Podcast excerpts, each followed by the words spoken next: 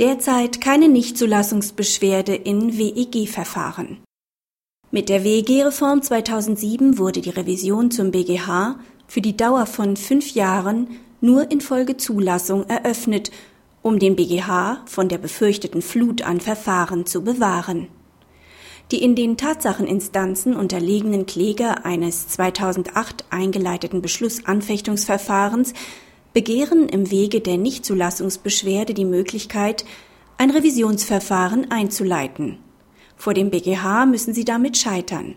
Nach 62 Absatz 2 WEG finden in den Verfahren des Paragraphen 43 Nummern 1 bis 4 WEG die Bestimmungen der Nichtzulassungsbeschwerde keine Anwendung. Ausblick es ist verwunderlich, dass das Verfahren trotz der in jeder Hinsicht eindeutigen Rechtslage betrieben worden ist.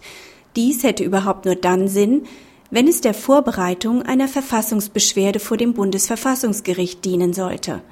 Diese dürfte aber kaum erfolgreich sein, weil es dem Gesetzgeber Ähnliches galt aus vergleichbaren Gründen schon seit der ZPO-Novelle 2001 unbenommen ist, wie er einen Rechtsweg ausgestaltet. Artikel 19 Absatz 4 Grundgesetz gewährt nur eine Rechtsweg, aber keine Instanzengarantie.